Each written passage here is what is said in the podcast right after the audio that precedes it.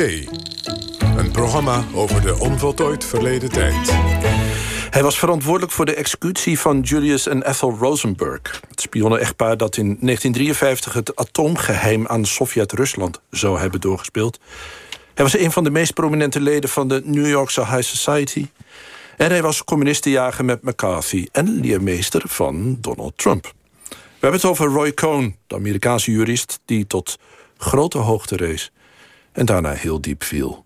Ja, vorige week kwam de documentaire, documentaire Bully Coward Victim... The Story of Roy Cohn uit op HBO. Daarin wordt hij omschreven als een kwartaardig en meedogenloos persoon. Maar wie was deze man? Wat was zijn invloed? De gast, Amerikanist en literatuurwetenschapper... aan de Universiteit te Leiden, Sarah Polak. Sarah, welkom. Uh, nou ja, waar gaat dit over, deze documentaire? Eh, over welke man en wie was het? Um, ja, Roy Cohn was uh, Amerikaanse jurist in de jaren 50 tot en met 80. En hij werd eigenlijk bekend toen hij als 23-jarige, dus piepjonge openbaar aanklager meewerkte aan het proces tegen de vermeende atoomspionnen Julius en Ethel Rosenberg.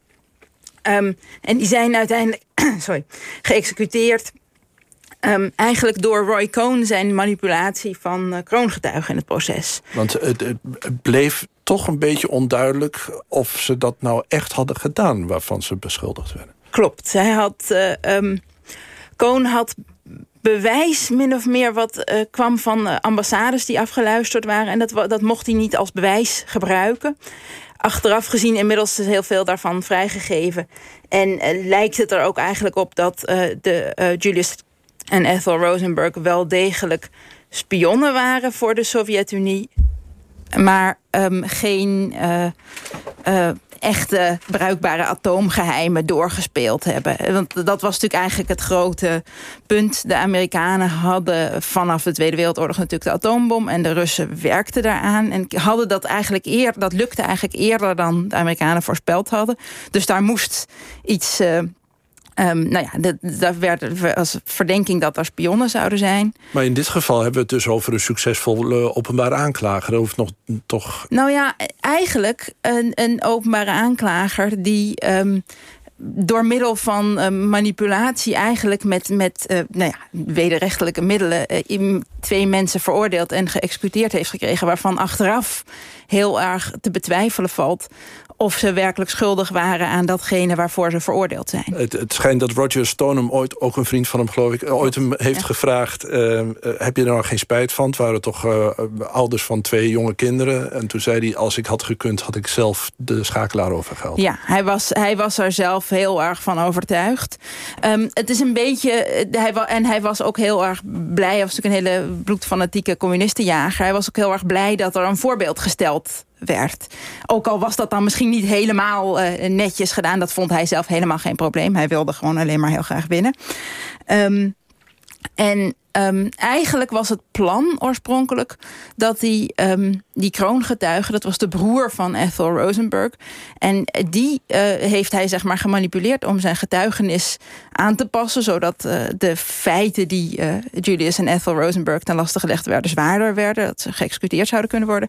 En het plan was eigenlijk dat Julius die een centrale figuur was in die spionnen, uh, dat spionnennetwerk...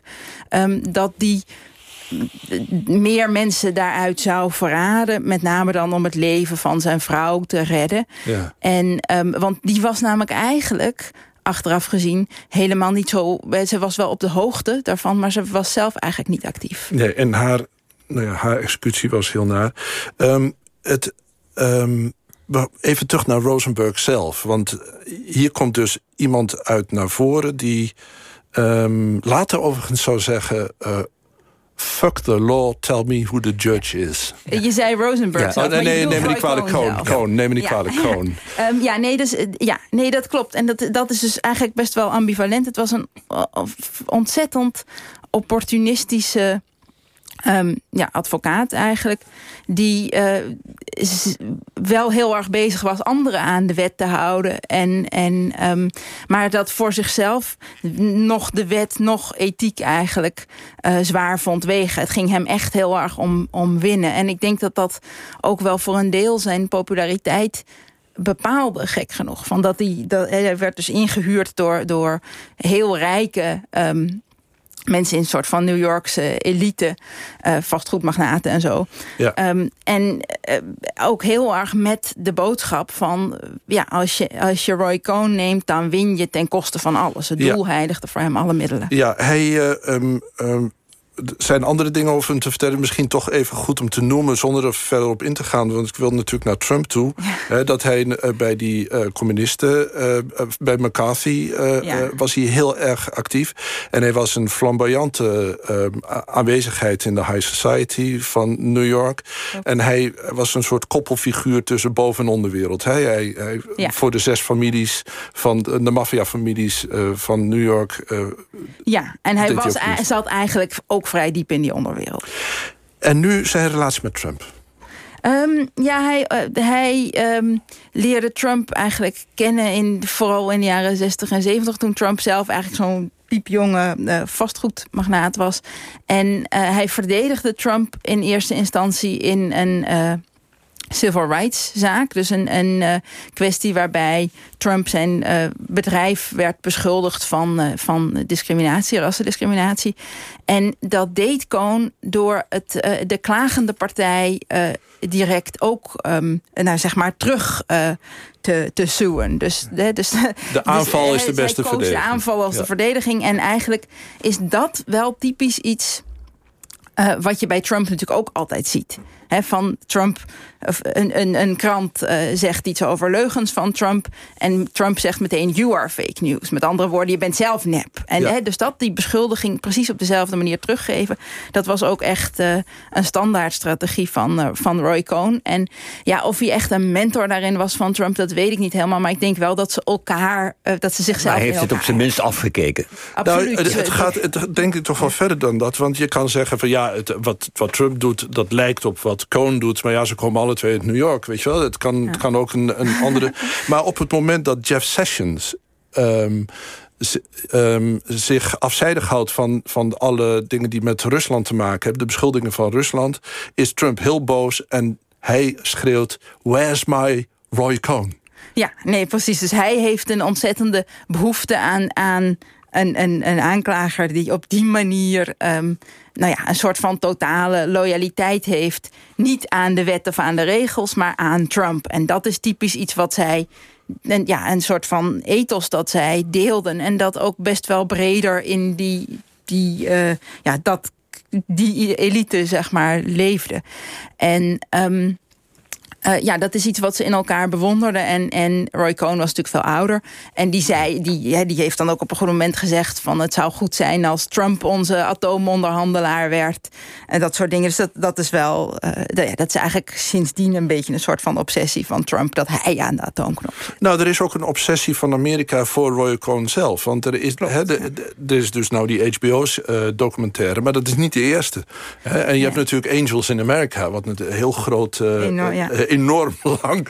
in twee delen, geloof ik, toneelstuk... waarin hij ook voorkomt. Dat gaat over, over, over ja. aids ook. Dat, ja. Waarom, dat zullen we zo uh, misschien nog even over hebben. Maar hij, uh, het feit dat, dat de Amerika is sowieso met hem bezig. Klopt. En hij was natuurlijk een ontzettende... Um, ja, uh, effectieve, succesvolle fixer... een groot deel van zijn leven... Um, en zo, zoals inderdaad Roger Stone noemde je al. En in diezelfde kring was bijvoorbeeld Paul Manafort heel, heel actief. Later natuurlijk allebei ook rechterhanden van, uh, van Trump. En allebei inmiddels veroordeeld. Uh, ironisch genoeg voor hun, voor hun betrokkenheid bij Rusland. Dus waar de Rosenbergs eigenlijk ook uh, ja. destijds voor geëxecuteerd zijn. Um, nee, dus dat, dat is een beetje die, die, die, zo'n kring van, van figuren die vooral... Um, die helemaal niet bijvoorbeeld voor vrouwenrechten of homorechten of zo waren... maar zichzelf dat wel eigenlijk allemaal toe-eigenen. Een heel sterk gevoel van entitlement, van de regels zijn er...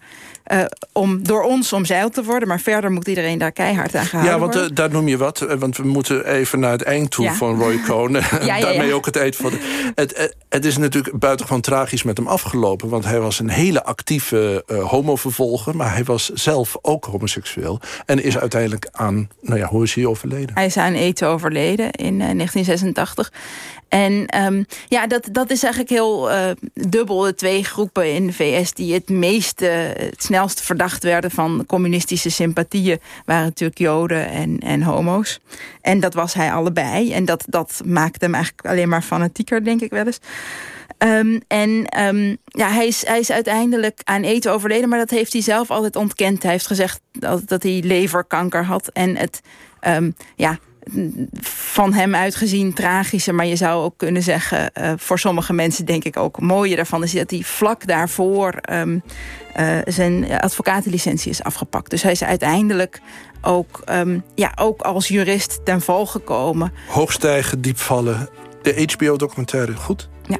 Ja? Ik, ik, ik vond hem interessant. Ik vond dat je iets minder echt gaat begrijpen wie die Roy Cohn nou was. Maar het geeft een fantastisch inkijkje in nou ja, die New Yorkse elite in de jaren 50 tot met 80. Oké. Okay. Um, Sarah Polak, dankjewel voor je komst. De